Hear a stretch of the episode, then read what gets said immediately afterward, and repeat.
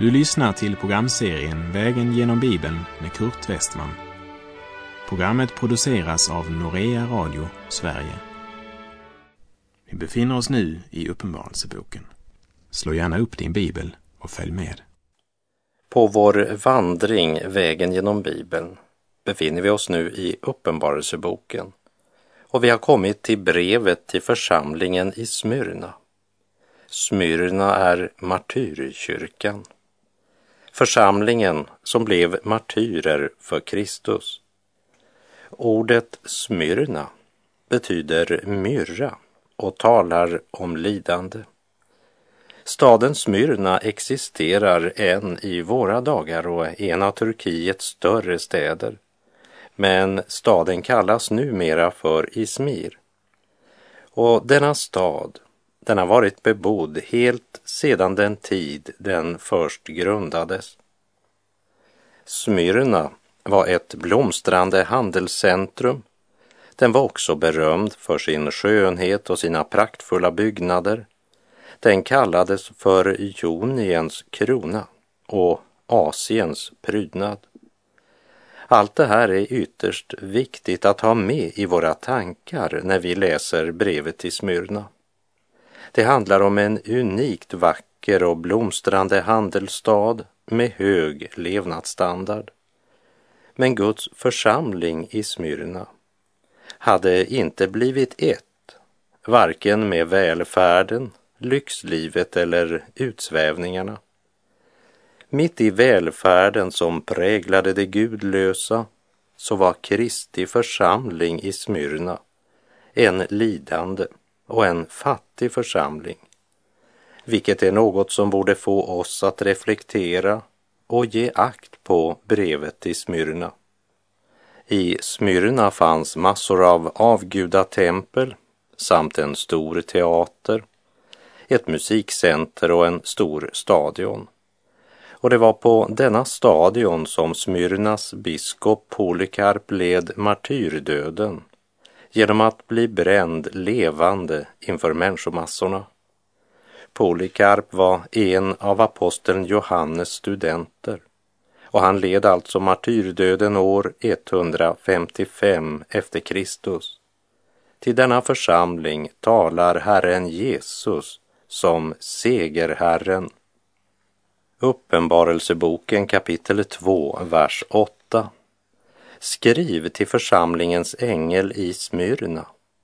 Så säger den förste och den siste, han som var död och har fått liv igen. Det är den uppståndne som talar, han som har besegrat Satan, synden och döden. Genom Jesus Kristus har det förgängliga blivit iklätt oförgänglighet. Jag citerar första Korinterbrevet 15, verserna 54 till och med 58. Men när detta förgängliga har klätts i oförgänglighet och detta dödliga klätts i odödlighet, då skall det ord fullbordas som står skrivet.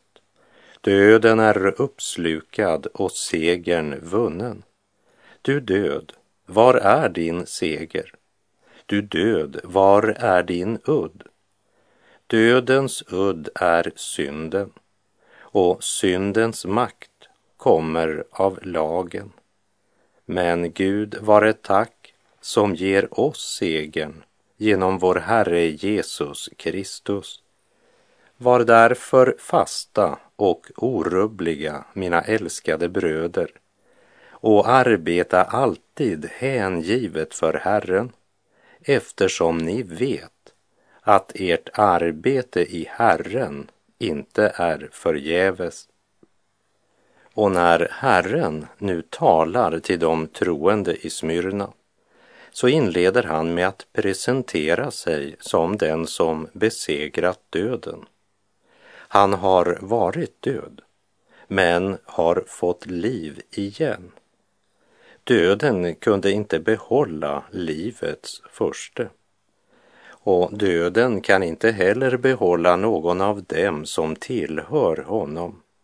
det är livets, kärlekens och sanningens triumf. Du märker denna vind ifrån evighetens värld som med kraft sveper genom vår själ när den uppståndne Kristus proklamerar. Så säger den förste och den siste, han som var död och har fått liv igen. Till den lidande och förföljda församlingen i Smyrna ljuder budskapet från påskmorgonens tomma grav. Korset är tomt. Graven är tom. Jesus stod upp och han lever.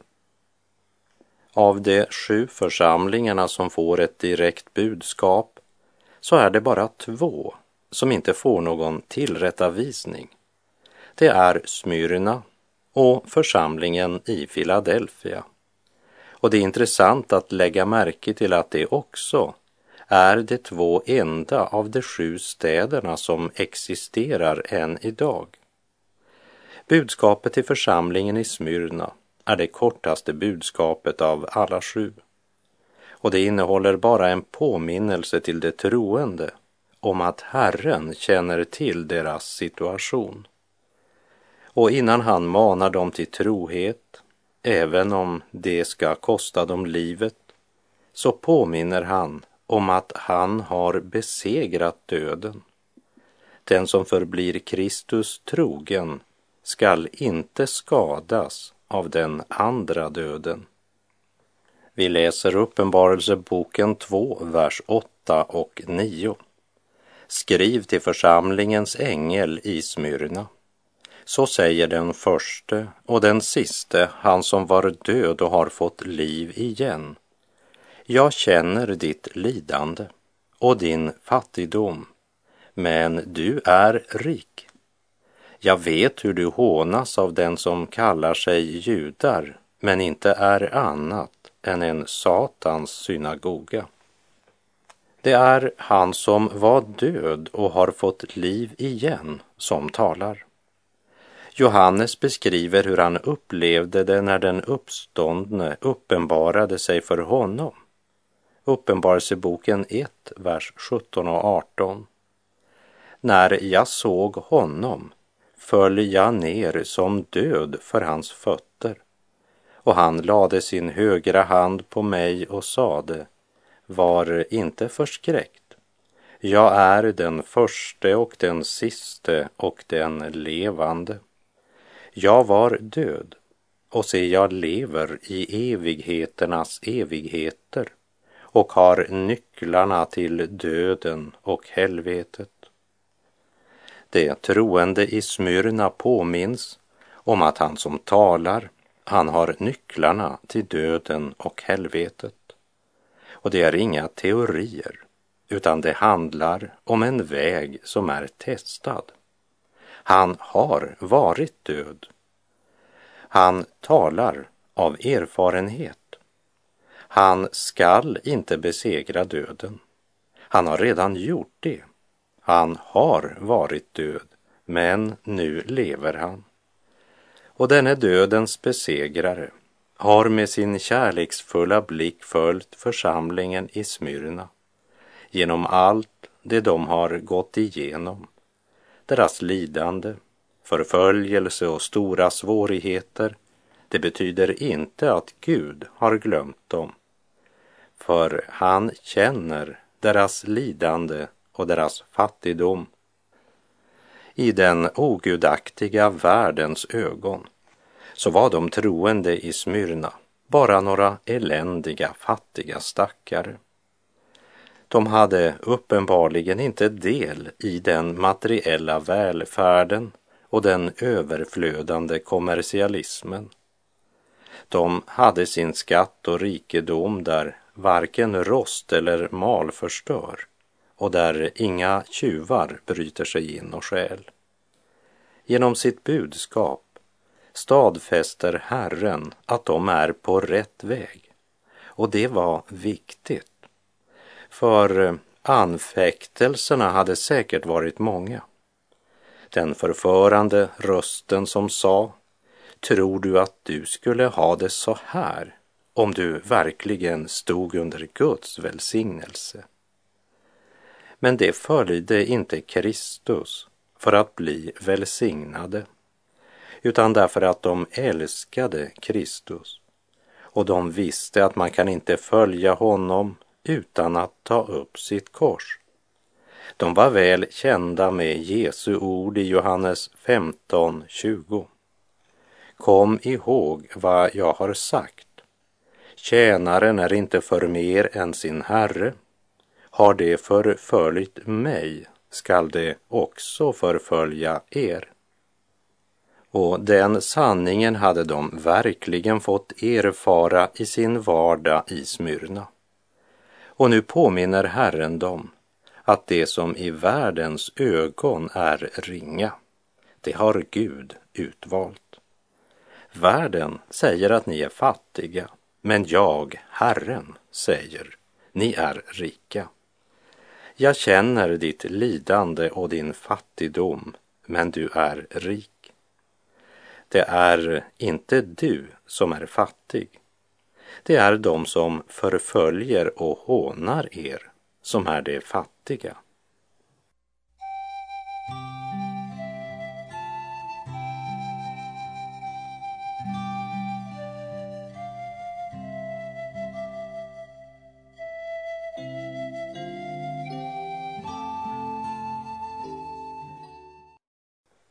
Uppenbarelseboken 2, vers 9 och 10. Jag känner ditt lidande och din fattigdom, men du är rik.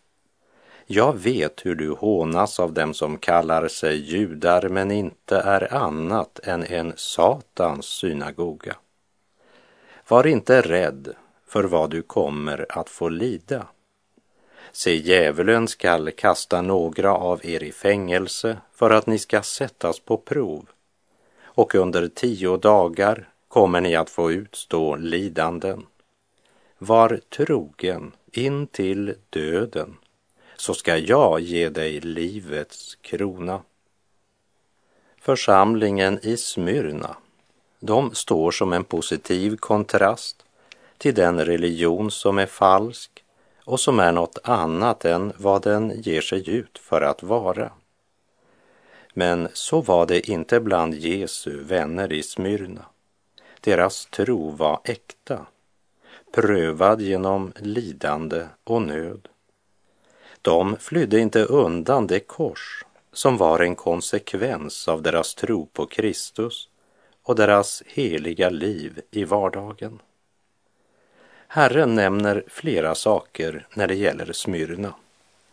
För det första lidande, det vill säga svårigheter som var en direkt konsekvens av att de levde ett liv som det ogudaktiga hatade och föraktade. Trots att lidandet var stort så gick de inte lättare tider till mötes. Tvärtom, det skulle bli mycket värre. Men Herren påminner om att det är inte lidandet de ska frukta. För lidandet är en prövningstid där tron testas. Till de troende i Korint så skrev Paulus, första Korinterbrevet 10, vers 13. Era prövningar har inte varit övermänskliga. Gud är trofast och han ska inte låta er prövas över förmåga. När han sänder prövningen visar han er också en utväg så att ni kommer igenom den. Och Jakob, han skriver i Jakobs brev kapitel 1, verserna 2 till och med 4. Räkna det som en stor glädje, mina bröder, när ni råkar ut för alla slags prövningar. Ni vet ju att när er tro sätts på prov så gör prövningen er uthålliga. Men låt er uthållighet visa sig i fullbordad gärning så att ni är fullkomliga och hela utan brist i något avseende. Och i Smyrna så hade uthålligheten verkligen visat sig i fullbordad gärning. Därför säger också Herren, jag känner ditt lidande. Det andra han nämner är fattigdom och det talar om materiell brist. Det var människor med ytterst få jordiska ägodelar. Församlingen bestod av människor från de fattigaste samhällsskikten och om det var någon rik som kom till tro så blev hans egendom konfiskerad. Ändå säger Herren till dem, ni är rika. Smyrna var en församling där de andliga välsignelserna flödade. Kärleken var levande. De troende var uthålliga och lät sig inte skrämmas av motståndarnas hat, hån och förföljelse. Mitt i lidande och fattigdom var de verkligen rika. Här vill jag bara påminna om Laodicea, en församling som var rik på materiell välfärd. Men om den församlingen sa Herren, ni är fattiga. Men här i Smyrna där lidande, förföljelse och fattigdom var församlingens tydliga kännetecken, säger Herren. Jag känner ditt lidande och din fattigdom, men du är rik. Det tredje han nämner, det är hånet. Jag vet hur du hånas. Vem är det som hånar Jesu efterföljare? Det är religiösa människor som ger sig ut för att vara något som de inte är. De som kallar sig judar. Men de var inte sanna judar. Det säger oss att de judar som kommit till tro på Kristus i Smyrna var sådana som var judar både till det yttre och till det inre. Men hånet kom från andra som utgav sig för att vara judar, fast de inte var det. De var alltså sådana som inte längre praktiserade det gamla förbundets föreskrifter och inte längre inrättade sig efter Mose lag. Det var dessa avfallna som hånade det Jesus troende mest. Och här är det viktigt komma ihåg att det är Herren själv som kommer med detta mycket dramatiska uttalande. De är inget annat än en Satans synagoga. Mera rakt på sak kan det knappast sägas. Det är uppenbart vilken andemakt som är verksam där. Samtidigt ger de sig alltså ut för att vara judiska troende.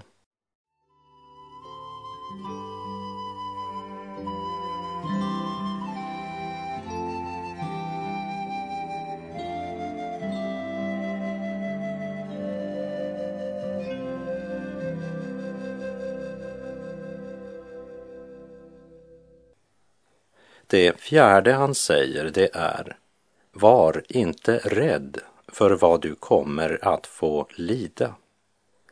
Det är Guds tröst och uppmuntran till sina barn mitt under svår förföljelse. Och det är nödvändigt eftersom svårigheterna och nöden kommer att öka. Det väntar ännu svårare tider för de troende i Smyrna. Men genom budskapet från Johannes så låter Herren dem veta att deras trohet mot honom har registrerats vid den himmelska tronen.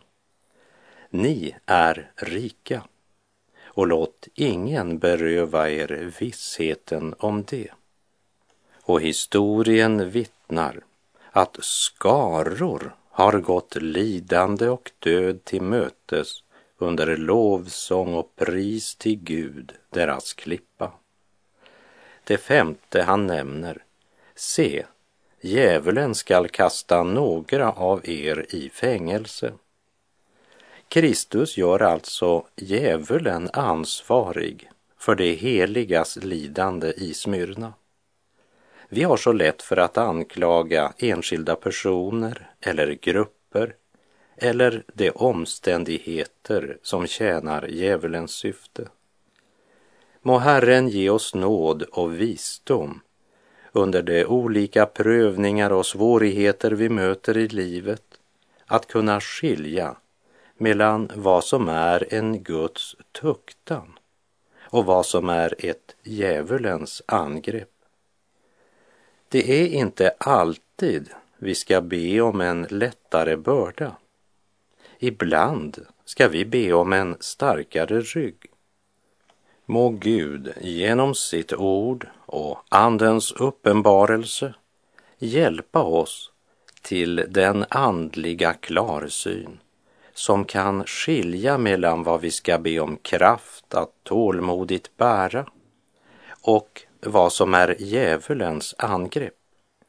Djävulen är en avväpnad fiende. Kolosserbrevet 2, vers 15 säger han avväpnade makterna och utsatte dem för allas förakt när han triumferade över dem genom Kristus. Paulus säger att Herren Jesus Kristus har klätt av vår fiende. I en fotnot upplyser folkbibeln att bilden är hämtad från en segerrik fältherres triumftåg i vilket krigsfångarna förevisades där de nakna gick före fältherrens vagn. Avklädd betyder alltså både att vara totalt avväpnad och avklädd, avslöjad. Nya testamentets översättning 81 använder uttrycket han avväpnade och utsatte dem för allas förakt. Gud har alltså i Kristus avväpnat vår fiende. Och därför ska du vara på vakt, min vän, så att du inte ger honom vapnen tillbaka. Var trogen intill döden. Var trogen intill döden så ska jag ge dig livets segerkrans. Lammets brud, Kristi församling, är en stridande församling, en frestad församling, en lidande församling. Den består av benådade syndare, fattiga, föraktade, svaga och skröpliga. Och hela deras hopp och räddning ligger i att höra. Och skall församlingen existera som en andlig verklighet måste den vara redo att utkämpa denna kamp, lida och vara trogen in till döden. Eljest kommer den inte att existera som Lammets rena brud. I det ögonblick församlingen och den enskilde vänder sig bort från Guds ord och Andens tilltal och börjar räkna med denna världen och dess sätt att tänka så har avfallet som leder till svek redan börjat. I Romarbrevet 12, vers 4 och 5 läser vi. Ty liksom vi har en enda kropp med många lemmar, alla med olika uppgifter, så utgör vi, fast många, en enda kropp i Kristus. Men var för sig är vi lemmar som är till för varandra. Även om vi som många lemmar utgör en enda kropp, Kristi församling, så utkämpas den andliga kampen inte först och främst i grupp, men som enskilda människor. Det är en personlig kamp som församlingen står i. Därför säger också Herren i sitt budskap till de sju församlingarna. Den som har öron må höra vad anden säger till församlingarna. Örat sitter på enskilda människor. Trons kamp är högst personlig. Samtidigt är vi högst beroende av gemenskapen med andra troende. För tillsammans med dem äger vi löftet. Ty er gäller löftet och era barn och alla dem som är långt borta, så många som Herren vår Gud kallar, står det i Apostlagärningarna 2, 39. Och hör nu löftet som följer efter uppmaningen att vara trogen intill döden. Var trogen intill döden, så ska jag ge dig livets krona. Uppenbarelsebokens budskap är inte till för att skrämma dig. Det är Guds budskap till dig för att ge dig tröst. I Lukas 9.24 så sa Jesus så här till sina lärjungar. Ty den som vill bevara sitt liv skall mista det. Men den som mister sitt liv för min skull, han ska vinna det. Till församlingen i Smyrna, som är en lidande församling som snart ska möta ännu mera lidande, säger Herren. Var trogen in till döden, så ska jag ge dig livets krona.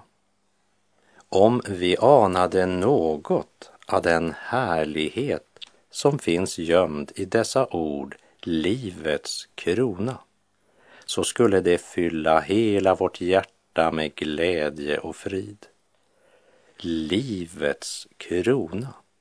Hör du vingslagen ifrån evighetens värld? Pilgrim se staden som glimmar i ljus långt bortom vågornas vildsinta brus. Staden den sköna dit vännen med såren banat oss väg genom ödemarkssnåren. Vägen dit upp genom vildmarken går, törnerna giva mig blödande sår. Men o vad mer, om min väg är besvärlig, vilan blir skön och min arvedel härlig.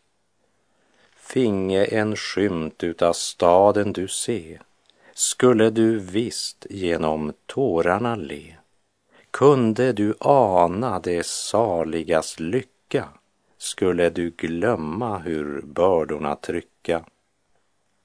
Var trogen intill döden, så ska jag ge dig livets krona. Den som har öron må höra vad anden säger till församlingarna. Den som segrar skall inte skadas av den andra döden. Och med det så är vår tid ute för den här gången. Herren vare med dig. Må hans välsignelse vila över dig. Må Herren få ge dig livets krona till arvedel. Gud är god.